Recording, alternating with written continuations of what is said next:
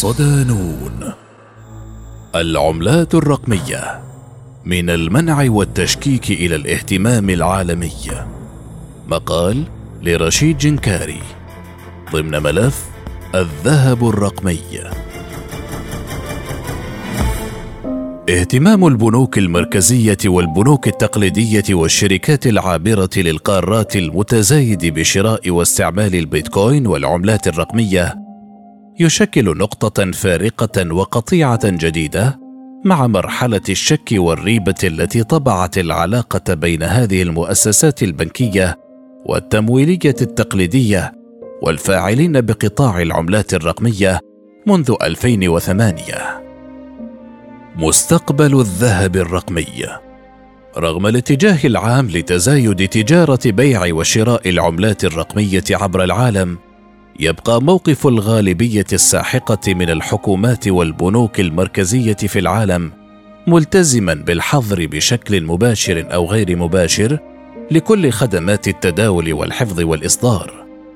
هذا الموقف الرسمي الرافض لتجارة العملات الرقمية لم يمنع انتعاش هذه السوق الواعدة التي تعتبرها الحكومات اموالا لا تخضع لأي آليات تنظيم أو إشراف من طرف سلطة تنظيمية مركزية كما هو الحال بالنسبة للعملات الورقية والنقدية من طرف البنوك المركزية.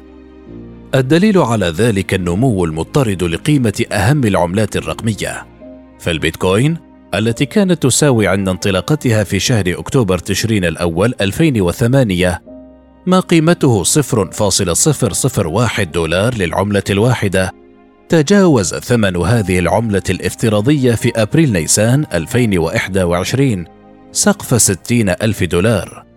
أي أن قيمة البيتكوين تضاعفت بنسبة 60 مليون مرة خلال 13 سنة.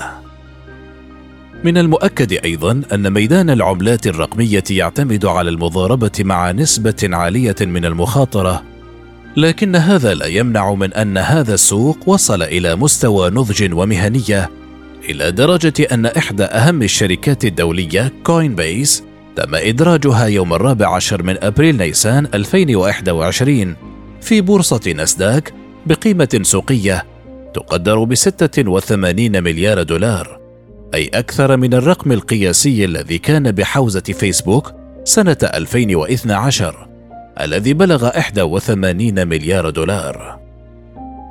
من جهة أخرى، كبريات الشركات الأمريكية والمحافظات الاستثمارية أصبحت تستثمر بشكل كبير وعلى نطاق واسع بالعمليات الرقمية. فمثلا شركة السيارات تسلا استثمرت بداية سنة 2021 بأكثر من مليار ونصف مليار دولار بالبيتكوين بالإضافة إلى قبول الدفع بهذه العملة الرقمية لشراء سياراتها وذلك قبل أن تعلق البيع بسبب القلق بشأن تغير المناخ. الاهتمام نفسه عبرت عنه شركة خدمات الدفع الإلكتروني سكوير وشركة البرمجيات ميكروستراتيجي. وكذا الصندوق الاستثماري بلاك روك الذي حول جزءا من أصوله المالية إلى البيتكوين. كما شكل إعلان مجموعة باي بال الأمريكية العملاقه في مجال الدفع الإلكتروني في الفصل الأول من سنة 2021 أنها تقبل المدفوعات بالعملات الرقمية. مبادرة مسرعة لقبول عمليات الدفع بهذه العملات الافتراضية خصوصا بيتكوين وإيثريوم.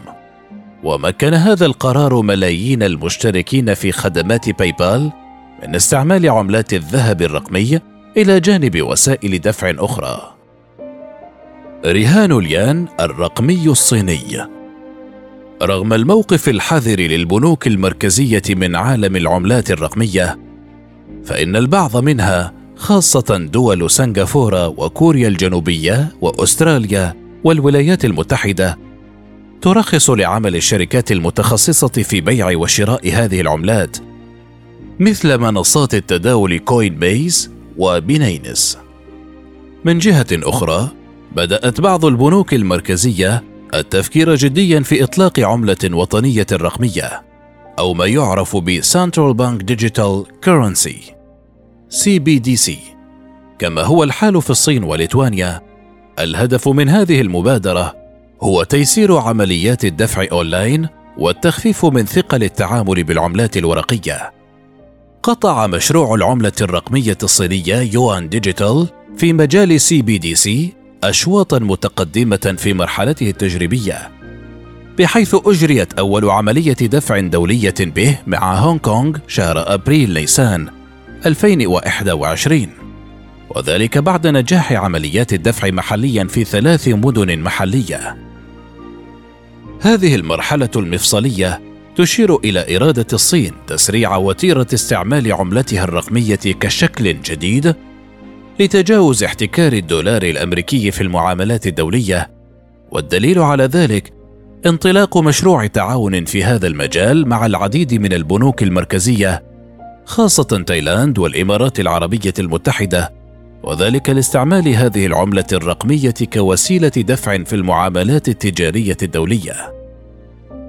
هذه المبادرات الخاصة والعمومية للتعامل الحذر مع العملات الرقمية تبرز مدى التطور في المواقف الذي انتقل من المنع والتشكيك إلى بداية الاهتمام قبل الوصول إلى الاعتراف الكلي. كما هو الحال لدى المشروع الأمريكي الذي سمح منذ يوليو تموز 2020 للمؤسسات البنكية بشراء العملات الرقمية وحفظها لفائدة عملائها بشكل قانوني. الشيء الذي رفع سقف الثقة لدى المستثمرين للجوء إلى شراء العملات الرقمية التي كانت حتى وقت قريب حكرا على نخبة مالية وتقنية ضيقة تفضل دائما البقاء في الخفاء. عمليا أصبح بإمكان عملاء هذه البنوك طلب حفظ المفاتيح المشفرة لحسابات البيتكوين والعملات الرقمية كنشاط جديد للمؤسسات البنكية المكلفة بالمحافظ الاستثمارية ودور البنك سيكون مفصليا لحماية العملاء كي لا يفقدوا هذه المفاتيح المشفرة الضرورية للتصرف في ادخاراتهم من العملات الرقمية. حذر البنوك لم يمنع تزايد اللجوء المضطرد إلى شراء العملات الرقمية خاصة بسبب تداعيات جائحة كورونا وأثرها في اضطراب الاقتصاد العالمي التي شكلت عاملا غير مباشر في تسريع وتيرة الثقة بالعملات الرقمية أو ما أصبح يعرف بالذهب الرقمي. والدليل على ذلك ارتفاع قيمة البيتكوين المضطرد منذ شهر مارس آذار 2020 مستفيدا من تراجع قيمة الدولار واستقرار أسعار الذهب. من جهة أخرى استمرار تجديد قرارات الحجر الصحي ومنع التجول في العديد من دول العالم.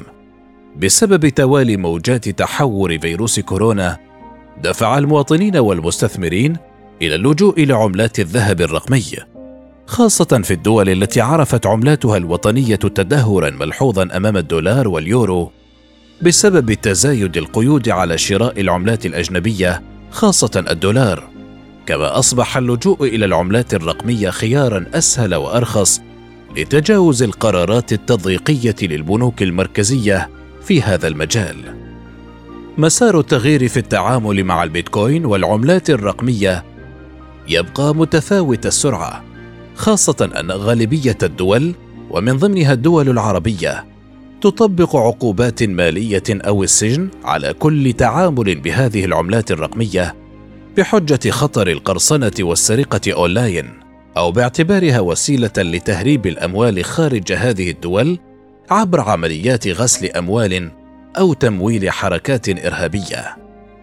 هذا المنع العمومي الصريح للذهب الرقمي. يضاف إليه موقف العديد من الهيئات الدينية ومراكز الإفتاء التي في غالبيتها تعتبر التعامل بهذه العملات غير موثوق وغير متوافق مع مبادئ المالية الإسلامية بسبب خطر السرقة والغبن.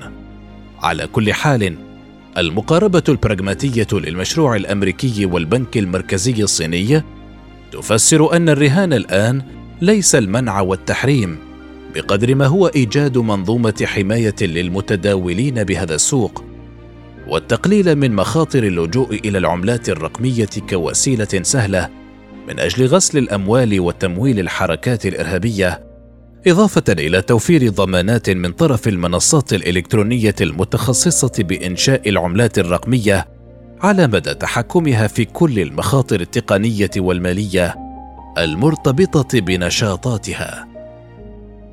سيكون لديناميكية السوق الأمريكية والصينية لا محالة أثر على اتساع الاعتراف بالعملات الرقمية عبر العالم. والدليل على ذلك تنامي إطلاق مشاريع خاصة وعمومية في العديد من الدول لاستعمال تقنية البلوك تشين التي تشكل البنية التقنية لمختلف عملات الذهب الرقمي.